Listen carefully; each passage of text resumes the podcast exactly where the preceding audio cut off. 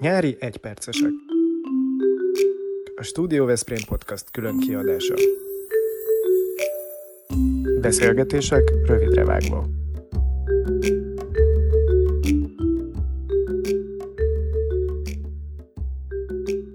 Fülöp Júlia, idegenvezető volt valami titokzatos dolog, amit elővettünk, és szerintem nagyon ütött. Tehát a Verancsis Faustusnak az alakja, az a Leonardo da Vinci kaliberű figura, akinek van Veszprémhez kötődése, ugye több nyelven beszélt szótárokat írt, egy, tényleg egy kimagasló figura, akit Horvátország, Dalmácia, akár Olaszország, Velence és Magyarország is magáinak tudhat. Ugye ki ugye megjelent egy olyan könyve, Machine Nova, amiben több más tervet írt le egészen részletesen, és van Leonardo da Vincihez is kötődése, hiszen az első ejtőernyőt da Vinci rajzolta le, és a Verancic Faustusnak egy más, egy olyan formájú ejtőernyője készült, készült, amely nagyon hasonlít a maira is.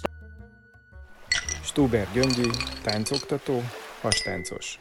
Képzeljétek el egy, egy, egy zenész férfit, jó kiállású, gyönyörű hanggal, nem tudom, gitározik, valami szexi hangszeren játszik, elmegy koncertre. Na őt hányan vizslatják?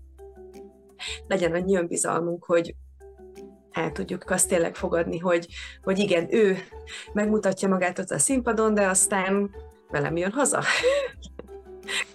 hmm, ez egy nagyon izgalmas kérdés, és az első reakcióm, illetve valószínű a 20 is az lenne, hogy kizártnak tartom. Portás előadásban, egy Frenák Pál esetében, vagy Pozsiki Társulat esetében simán el tudom képzelni a mesztelenséget, de az orientális tánc kapcsán én elképzelhetetlennek tartom. Zákonyi Botond, horgász szakújságíró. Én fiatal srácként sokat jártam édesapámmal levéltárazni. Nem voltam boldog ettől. Emlékszem egyszer, olyan 18 éves lehettem, nyár volt, és abban az évben jött divatba miniszoknya, és a Füredi Mólon ott ültek kint a lányok miniszoknyába, és édesapám, miután a hivatal nem volt messze tőlünk, jött velem szembe, és szólt, hogy édes gyerekem, be kell menni veszélybe a levéltárba, szükségem van a segítségedre. Hát a hátam közepére nem kívántam én a veszélyi levéltárat, Hát a balatoni horgászokra jellemző az, hogy szeretik a Balatont, és nem szeretik betartani a szabályokat. Mindenki úgy van ebben, hogy a Balaton a milyenké, az ősiség jó, ezt én gyakran hallom, és bevallom férfiasan gyakran én is úgy vagyok, nehéz is rendet tartani ezen a 60 ezer hektáros gyönyörű vízen. Dr. Pelfi Géza, történész. Veszprém egyik legkorábbi 17. Század, 16. századi alaprajzát a Bécsi Nemzeti Könyvtárban sikerült megtalálnom. Ez azért kedves számomra, mert azt a várat, ami most felújítás alatt áll, elsőként mutatja be az 1570-es évek elejéről, és a, a, a vár alatti völgyet is, a Séd völgyét is egy színes ábrázolásban, az Angelini térképészek munkájaként. Ezt csak azért említem, mert nagyon kedves számomra, mert rajta van a Festő utca is, Aha. és a Festő, Festő utcán áll egy ágyú, ahonnan lövik a várat, Aha. Ahol, ahol majdnem az apósomék laknak a mai napig, és azt szoktuk mondani elképesen, hogy ez anyósom gulyás ágyúja, mert ő nagyon finom gulyás leveseket készít. Tehát a 16. században egy olasz hadmérnök már tudta, hogy hol fognak lakni apósaim. Vida Szilvia, gyógytornász. Oké. Okay. Na jó van, gyerekek, akkor ez megvolt. Szerintem kicsit, jó. Laz, kicsit lazára vettük a figurát, de legalább akkor... Ez így kell. Diósi Laci, te úgy lelazítottad basszus ott a termekre, hogy meglát téged, mint a Pavlov kutyája, érted? És azonnal, azonnal lelazul. jó. Nem, ez így jó, így volt jó, mert ez egy vidám téma, Hát ez a gerincsérv az nem vidám téma, mert aki ezt megélte, az azért ott, ott megcsinálja minden nap a gyakorlatokat. Hogy elmennek hozzád, és akkor ráadásul még te ott csinálgatod is, és nyomod az ipart, és mutatod, hogy hogyan kell. Ez egy más, más. Hát persze. Nagyon sok olyan betegem van, aki mondjuk például gerincsérves volt, tök jól meggyógyult, és utána ő jön hozzám edzeni. És ez, hmm. ettől nagyobb öröm nincsen. Búzás Huba, költő, író. A költői pályámon ez egy nagy törés volt. 1972-ben hallgattam el. Azért hallgattam el, mert hát mindenki tudja ezt a, abban az időben, ugye egy diktatúrában, a Kádár korszakról beszélek, amikor is a, az acéli perzekútor esztétika következtében divat volt, bevezették, ugye a három T, a, a tilt, tűr és, és támogat. Ez vonatkozott mind a szerzőkre, mind a művekre. Na most én nem tűrtem, és csak 95-ben, 23 év után szólaltam meg. Most ez tehát úgy is fogalmazhatnál, hogy amikor mi ismertük egymást, akkor egy lapító költő volt az egy. Kuszi Péter, kerékpáros, kerékpárkereskedő. Mondtam a nejemnek, hogy a bringa az evolúció következő lépcsőfoka. Aha, nem örült. Nem örült. Nem. Okay. Jó, vettem, a, vettem az adást. A magasabbnak hosszabb a törzse, tehát a biciklinek a felső csöve is hosszabb lesz. Ha én felülök egy olyanra, akkor a medencém már sokkal jobban előre billen, mert keresem a kormányt a távolban, nem az ülőgumóimon fogok támaszkodni, hanem a királyi ékszere. Akit megtanítottam biciklizni? Hát legyen. Nagyon szerelmes voltam egy lányba, aki soha életében nem állt velem szóba, nem laktak a Stromfelden, azt hiszem. És az ő testvérét tanítottam meg biciklizni tizenéves korában, Rec Balázsnak hívták informálisan ennyi. és a nővére nem állt velem szóba soha. Aha. Hát ez ilyen.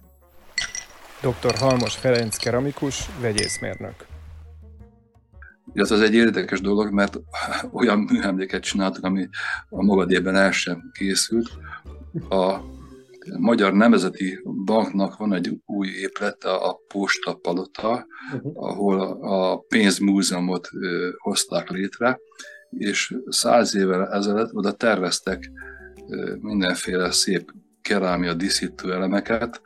A zsolnai gyár szeretett volna készíteni eozinos díszítő elemeket, amik abban az időben nem készültek el, és most volt rá készség és pénz, hogy ezeket megcsináltassák, és együttműködve a Hollóházi portszángyárral elkészítettem ezeket a hiányzó elemeket. Jankovics Barnabás, fényfestő próbáltuk jelezni, hogy az ismert okok miatt nem biztos, hogy a szín kombináció az szerencsés. Uh-huh. Ez tipikusan egy olyan ö, támadási felületet tud ö, ö, ö, adni, amiről ugye az előbb beszéltünk, amit szerintem érdemesebb elkerülni, már csak azért is, mert, mert ennek a tervnek, illetve ennek a projektnek tényleg semmi köze ö, a, az ukrajnai háborúhoz, sokkal nagyobb figyelmet kéne erre ö, fektetni, mert ez egy picit olyan, olyan buliként van most kezelve, hogy de jó, készül valami graffiti festmény, azért ez már jóval, de jóval túlnőtte magát. Viszont én meg azt szeretném megköszönni, hogy tényleg egy, egy komoly interjú volt, vagy egy komoly beszélgetés, amiből látszódott, hogy, hogy titeket is érdekel, kicsit talán, vagy talán nem is kicsit, de hogy utána néztetek ennek igen, az egésznek, Úgyhogy én ezt szeretném megköszönni, mert azért 10-ből 8 ilyen felkérés az arról szokott szólni, hogy, hogy legyünk túl rajta, fogalma nincs, hogy miről beszélgetünk, és úgy nagyon nehéz, úgyhogy én veletek nagyon szívesen még egy órát is el tudtam volna erről csevegni, úgyhogy én pedig ezt szeretném megköszönni. Bándi Klára, magántanár tényleg azt tudom mondani, hogy az univerzum törvényei is ez alapján működnek. Hát ugye test, emberi test arányai, a Fibonacci sorozat, tehát ugye az embernek az ujja például 1, 2, 3, 5, vagy van olyan, hogy 2, 3, 5, 8, tehát hogy a Fibonacci sorozat szerint vannak a csontok ö, méretezése is, illetve az egész testünk aránya. Visszatérhetnék esetleg ehhez a kettőhöz, hogy a magyar nyelven, csak annyit szeretnék elmondani, aztán utána beszélek a pályaválasztásról. Például, ha valakinek egy karja van csak, akkor arra nem azt mondjuk, hogy egy karú, hanem azt mondjuk, hogy fél karú.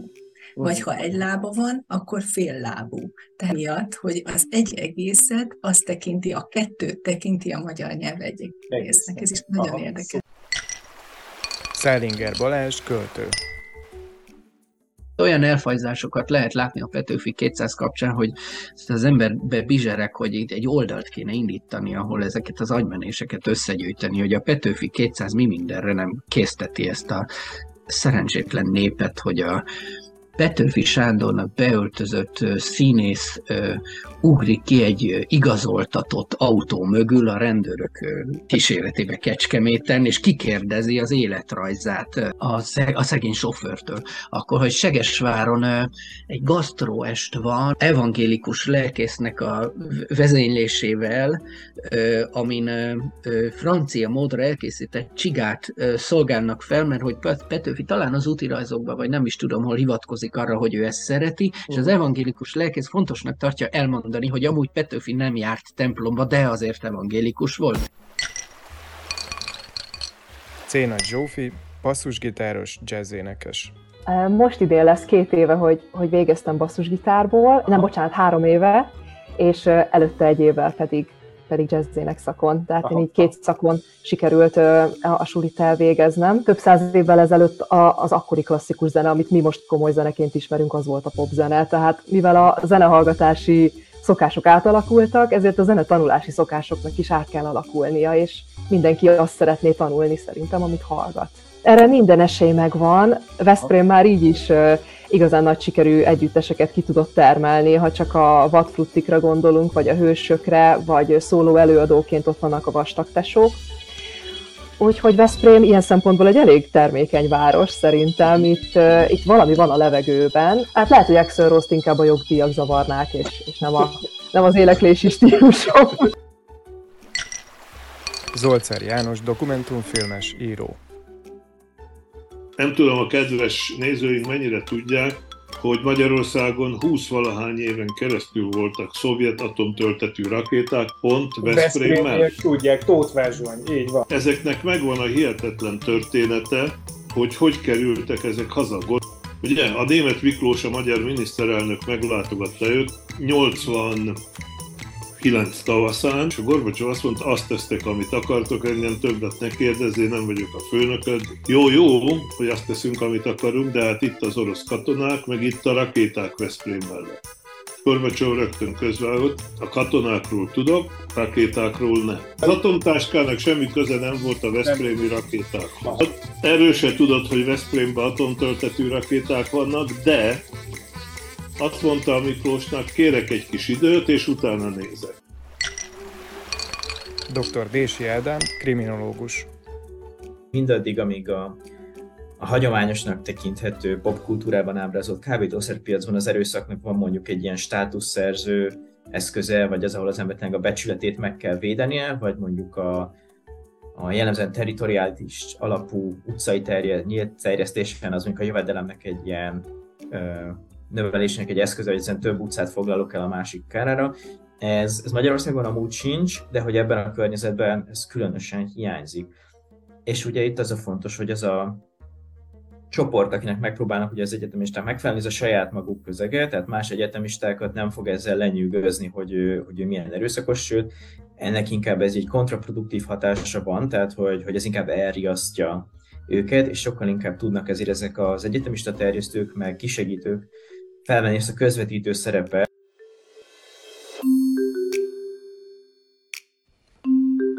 Nyári egypercesek. A Studio Veszprém Podcast külön kiadása. Beszélgetések rövidre vágva.